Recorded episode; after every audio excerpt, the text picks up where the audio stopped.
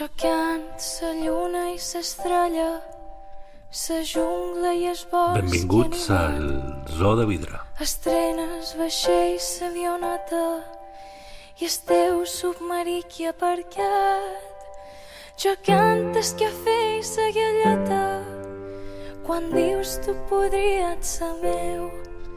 Que sexy, que dolça i que freda, oh yeah. A Jordi Praticoll li agrada fer trapella, de tant en tant. És un dels millors dramaturgs d'aquest país, amb una escriptura íntima i sincera, fàcil de reconèixer. Però també és un gran director d'escena que coneix molt bé el seu públic, els seus límits i la cultura popular.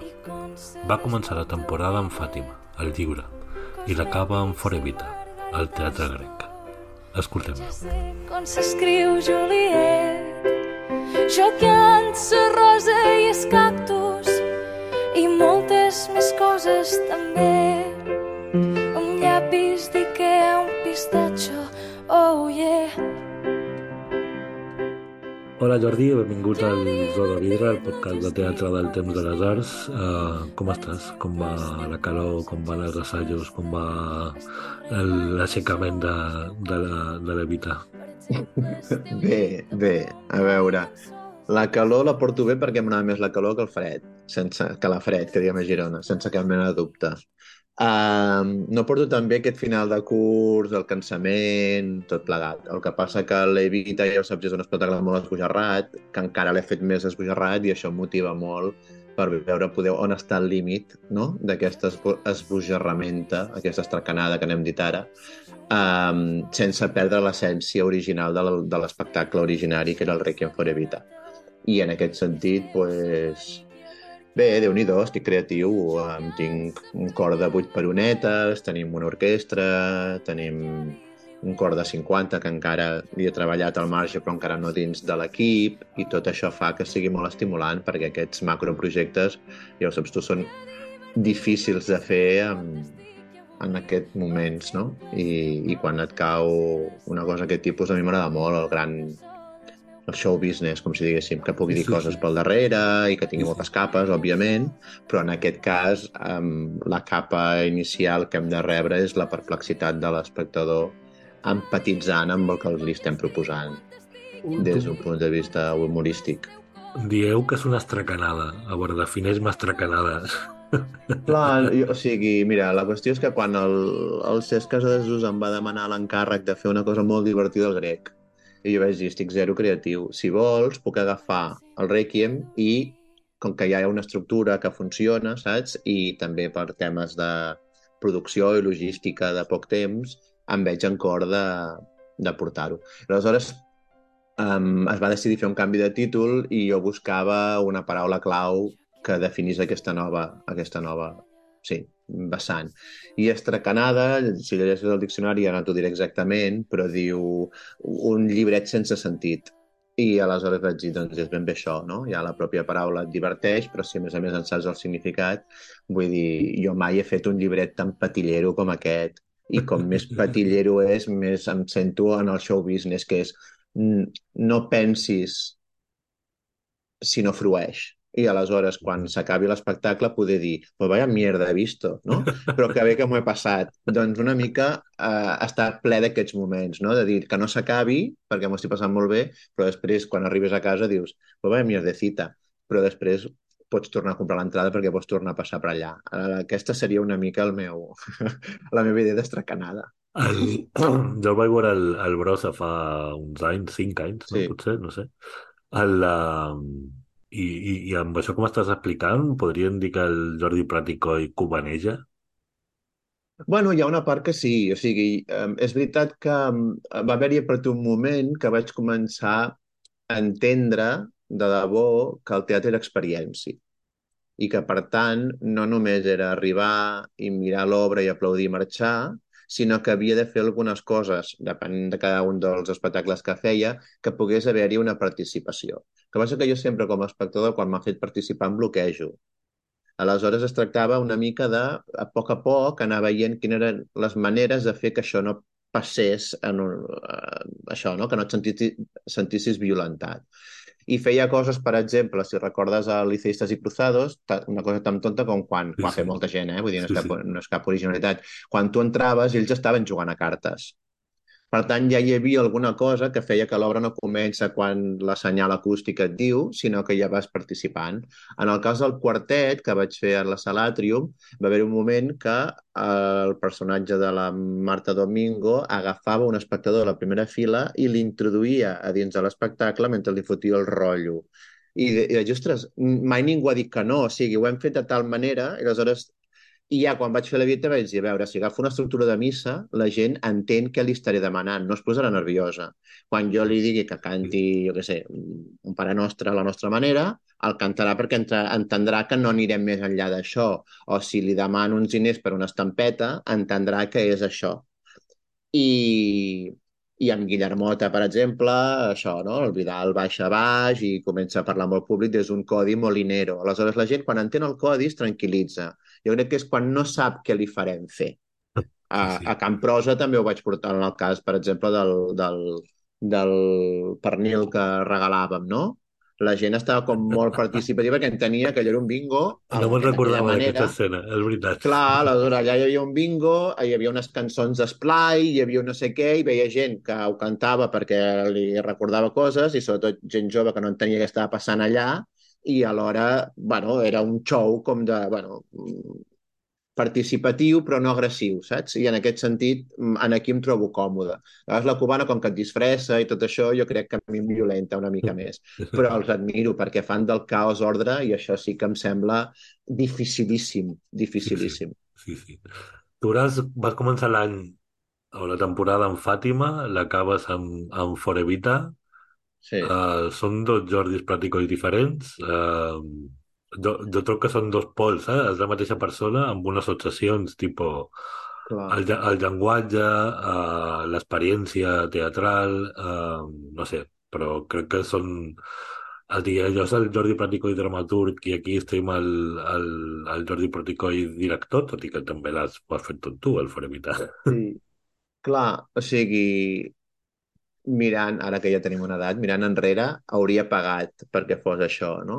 Perquè a mi els directors que m'han marcat més, sempre hi ha hagut un moment que he pensat que ells mateixos com els iogurts han caducat, no? O sigui, durant 10 anys m'han ofert allò que m'encanta, però després s'han sentit com esclaus d'alguna manera de la seva estètica i de la seva mirada en els materials, però la societat ha canviat clar, en, sense haver-ho buscat, m'he trobat en un jo més íntim quan escric, en un jo molt poc lúdic des d'aquest punt de vista en la majoria dels espectacles, perquè, bueno, personalment porto set anys difícils i no, no em fa res dir que des de fa... Després de Fàtima vaig patar, estic en medicació psiquiàtrica i, i en tractament psicològic, vull dir, no passa res, ja passarà, però que ens hi trobem, no? Que de vegades ens pensem que som superhomes i al final som personetes normals i corrents. I en l'escriptura m'he trobat molt amb, amb el mirall, amb el mirall i després quan ho he dirigit sempre ha sigut des de la honestedat més pura cap al text. Aquesta, estem parlant de M'hauríeu de pagar i Fàtima, per exemple, no? Inclús Nala, l'òpera que hem fet al, al Liceu, però que jo no la dirigia, per tant, en aquest sentit, és molt d'aquest nucli dur, d'aquest tipus d'escriptura. En aquest cas, el Forevita per mi és més de dramaturgista, no tant com a director, sinó dramaturgista. O sigui, a recollir molts materials, també ho havia fet amb, amb els diaris de la Frida Kahlo, un espectacle que després vaig reconvertir en, en un taller a l'institut que era molt xulo, però no es va poder gairebé veure per la pandèmia. Um, I això també m'hi trobo molt còmode. Camp Prosa també seria de dramaturgista, i una mica el que faré dels, dels criminals, el TNC, mm -hmm. també va per aquí.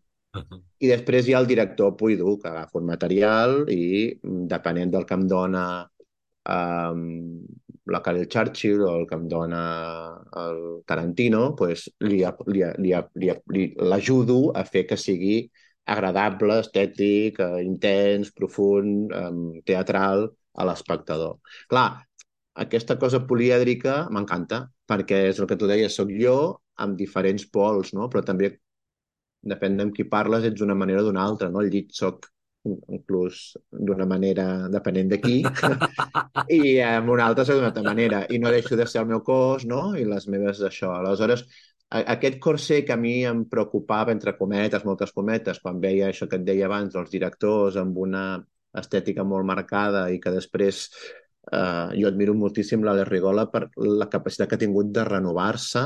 Ja t'anava a dir que és l'únic, no? Gairebé. En el seu llenguatge. Per això, però és molt inaudit, si t'hi fixes, no?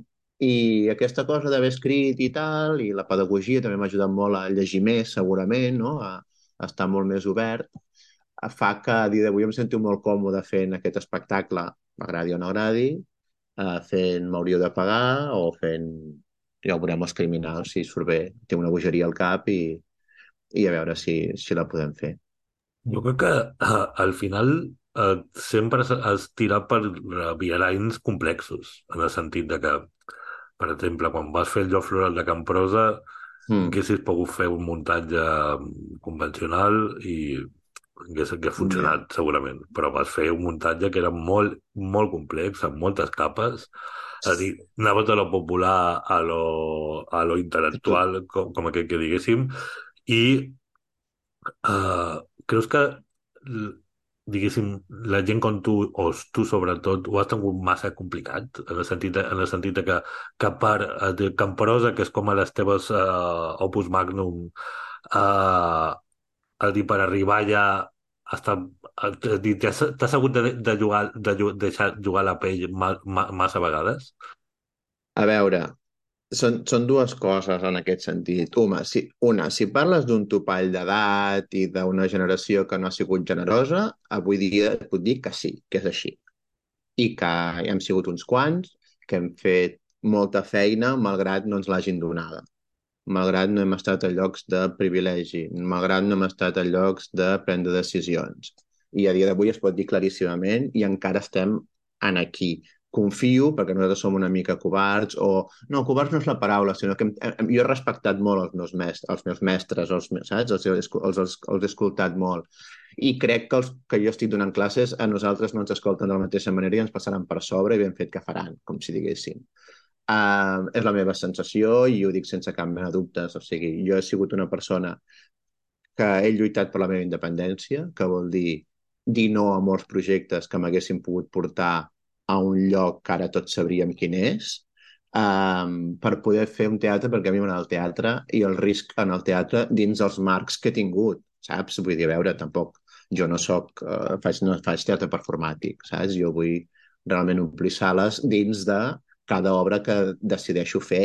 O sigui, entenc perfectament que bueno, hi ha obres d'un límit de públic, però el vull ple, hi ha obres d'un límit de públic i el vull ple. I en aquest sentit, això ho tinc molt clar.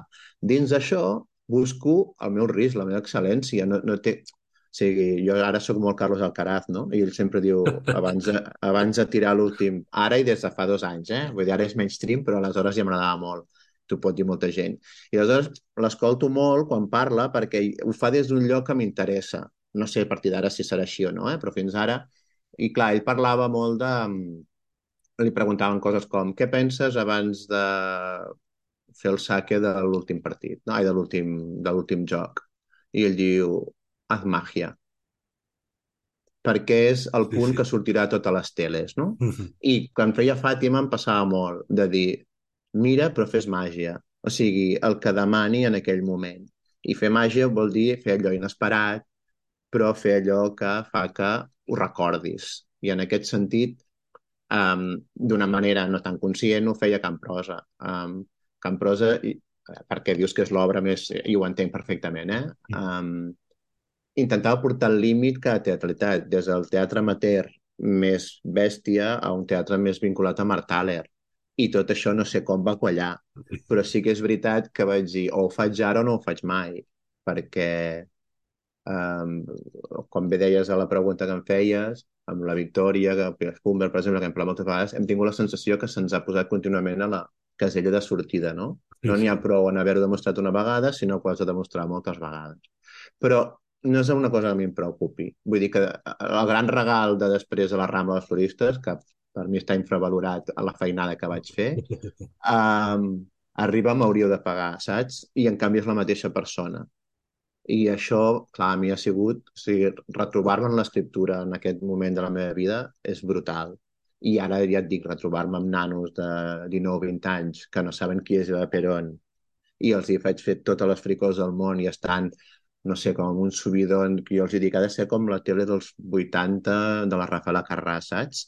Que de cop ja hi ha una alegria que t'encomana, però tu no saps què s'han tomat estos, no?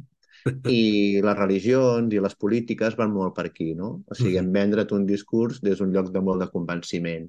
I crec que en el moment que estem ara li va bé aquest espectacle, no? Si vols rascar una mica més. T'hauria agradat uh, dirigir un sonitot o a dir, tenir l'oportunitat a dir... O sigui, jo he sigut fan del teatre musical molts i molts anys. Mario Gas és un referent per mi. Sonitot que vaig veure al Poligrama tres vegades és un referent per mi. Ara tinc la sort que el 20, 31 d'octubre farem Sonitot al, al Palau de la Música en versió concert gràcies a l'esforç immens de l'Andreu Gallent per aconseguir que això es faci. Des d'un punt de vista de direcció escènica jo podré fer molt poc, hi ha molt pocs assajos i és un concert. Vull dir que ningú s'esperi una teatralització massa... bueno, mm, encoberta. No podrà ser-ho, però, però no, no una qüestió de ganes, una qüestió de temps, senzillament. Crec que hem de, fer un, hem de fer un plantejament cap a aquest teatre musical. O sigui, jo sempre el que he fet ha sigut agafar cançons, o sigui, mai he fet obra, he encarregat cançons, per exemple, que, això que dèiem de la Rambla dels Floristes, al final hi havia una mena de mm. d'elegia, de rèquiem que va composar el Dani Espasa, ara li he encarregat una cosa també pels criminals, però són coses curtetes, no és fer un musical. Jo un musical de creació no l'he fet mai, me l'han encarregat i dic que no perquè no m'he vist en mm-hmm. cor, um, però en canvi m'encantaria fer aquests revivals que fan a, a Broadway i a Londres, o sigui, agafar realment un material muy manido o poc manido, m'és igual, i donar-li una visió com li dono a qualsevol obra que agafo, no? O sigui, treure-li l'ironia, el pas del temps, l'estimació, no, no puc riure'm de res que no estimi. Aleshores, moltes vegades, jo dic, el, el, la millor crítica que ens van fer de Vita era no sé si se'n foten o s'ho creuen. I clar, i aquí vaig dir, hòstia, anem bé. Anem bé perquè haurà de decidir l'espectador. No he de decidir jo. Jo el que he de decidir és oferir excel·lència des d'això, no? des d'aquest límit. Perquè si me n'en foto, jo no sóc superior a ningú, com per dir ara allò, no? I si m'ho crec és que sóc tonta. Vull dir que, a veure, mm, hola, què tal? I, i, Aleshores... què diu, I què diuen els argentins que han vist el Forevita? I l'altre dia l'il·luminador, el Bufarull, que té la seva dona argentina, li va dir que els argentins porten la terra dins, estiguin on estiguin del món. I qualsevol cosa que faci referència a la seva terra és devoció. Encara que tinguin una opinió o una altra sobre el peronisme. Però nosaltres no parlem de peronisme, parlem de peronetes, com la mongeta. Nosaltres som perones. Per tant, és una altra cosa el que estem explicant. I no n'hi ha hagut cap que, que s'hagi indignat o queixat o el que sigui. Tot, no, no. tot, el, tot el contrari, tot el contrari. Com, hòstia, com, com pots tu parlar d'Evita, saps? I mira, vaig començar per copy i... I vaig acabar per... Alguna... Bueno, com que vaig llegir tot sobre ella i les, la novel·la aquella del Tomàs Eloy Martínez, no?, de Santa Evita, que és tan sí, sí. referencial i de cop és tan això, no?, tan incongruent per una banda, però l'altra per l'altra te l'estimes perquè posa a parir la gent que tu vols que s'incomodi, no? I, bueno, i després morir jove, i bueno, totes aquestes coses que sí, fa sí. que es pugui mitificar en aquest sentit, no? I això, pel que jo volia explicar, m'anava bé. I també prou llunyà, perquè si, és això que dèiem dels prejudicis, no? O sigui, cada vegada hi ha menys prejudicis per desconeixement cap a la persona de Vita, i això em va molt bé a mi. En canvi, quan ja tens una opinió formada, si hagués agafat, no sé, és que no, no hi ha un equivalent aquí, no? Però Mm. Eh, ja hi hauria el, el prejudici per sobre. Per exemple, els espectacles que feia el, el, el Budella, no? aquella trilogia de Dalí, de, sí, sí. de Pla no? i del Pujol, quan tu hi anaves, primer ja sabies que, se, que seria criticat i que no, però tu ja hi anaves amb una opinió molt formal que fa que encara que l'espectacle estigui molt bé, que estava molt bé, a mi em van encantar, um, des, o sigui, m'agrada més pensar Evita com un Ricard III, saps? Mm. Una figura que ha existit, però la qual l'agafem i ens la moldegem a la nostra manera. Exacte, com un, un mite, vaja. Exacte, total, total. De lo darrer que volia demanar és, um, ara mateix, si et diguessin que podries guanyar-te la vida només escrivint teatre, uh, ho faries? Et diguéssim, ho deixar, deixaries tota la resta? Si te diguessin, no, ara, No. fins, fins que et jubilis, No, o sigui, ara, mira, et diré coses. Una és jo ja fa 10 anys que vull deixar el teatre. I teatre vol dir tot, el teatre. El que passa que, com que no tinc clar què faria, vaig fent teatre. D'aquí dos anys en faig 50 i, i tinc la pressió de dir, oi, és ara, eh? Perquè als 60 no pots dir deixo el teatre als 60, eh? saps? Vull dir, i tal. Cosa que no tinc el plan B, clar. Aleshores, mentre vaig fent i hi ha projectes que m'interessen. L'escriptura, ara, a dia d'avui, estic escrivint un assaig que se'm va encarregar a, a través de idees sobre la meva vida, sobre la vida i sobre el teatre. I això és el que em té més ocupat escrivint. I he començat a escriure una novel·la curta. Per això et dic que jo mai sé... I, I no ha sortit voluntat, saps? Ha sortit de que m'està sortint això. Segurament perquè jo mai... Em... I t'ho dic sincerament, crec que dirigir per mi és molt més fàcil que escriure. mm, Molt més fàcil, No, sense no. cap mena de dubte. no, no I el que és dramaturg d'ofici l'admiro moltíssim perquè vol dir que té moltes coses a dir o a amagar a través de l'estructura que fa servir. Però l'admiro moltíssim. Jo no sóc d'aquests, no treballo des d'una estructura, sinó des de reconèixer una emoció que necessito vehicular-la gràcies a que he llegit molt teatre i a dirigir. Això no vol dir que potser la propera obra que faci sigui d'aquí 10 anys. I, no, i Mhm. és que m'és igual. Sí, m'és igual, vaig fent. O sigui, quan em van publicar les obres completes vaig tenir un xoc, perquè mai em pensava que jo seria un dramaturg, saps? I quan alumnes meus ja clar, m'ho han llegit tot i hi ha una coherència, hi ha un, no? un, coses que jo al principi pensava, bueno, això és més d'estructura, i al final ha acabat sortint la veu com jo volia, no? que és una veu pròpia, amb una mirada pròpia, que reflecteixi sobretot el món de la soledat, que és el que mm, amb més o menys humor apareix més a les meves darreres peces. Potser aquí ha arribat un límit i d'es- d'escriure des d'una altra manera. Com que no tinc la pressió perquè ningú m'encarrega i haurà de generar, haurà de sortir de mi, doncs quan surti de mi i ho tingui, ho faré i no hi haurà cap problema. Però ara el que sí que m'agradaria, si pogués aquest estiu acabar l'assaig, perquè crec que és el moment de fer-ho, ja m'han m'han dit que m'ho publicarien, o sigui que això també et dona com una bueno, això, no? com unes ganes de, de compartir-ho i crec que mm, bueno, a qui li interessi el que jo hagi fet, allà estarà molt explicat moltes coses, no? Mm, Que, el, que l'ambició està en la vida, no està en el teatre. Molt bé. Gran frase per, gran frase per acabar. que guai. Bueno, Jordi, doncs moltes gràcies i molta merda amb el, el Levita i els criminals la temporada que ve al TNC. I el Sweeney, vull dir que Sí, anirem sí, sí. fent, anirem I fent cosetes. Molt bé. I Doncs tu no paris d'escriure, que m'agrades molt, ja ho saps. Total. Igualment, Déu guapo.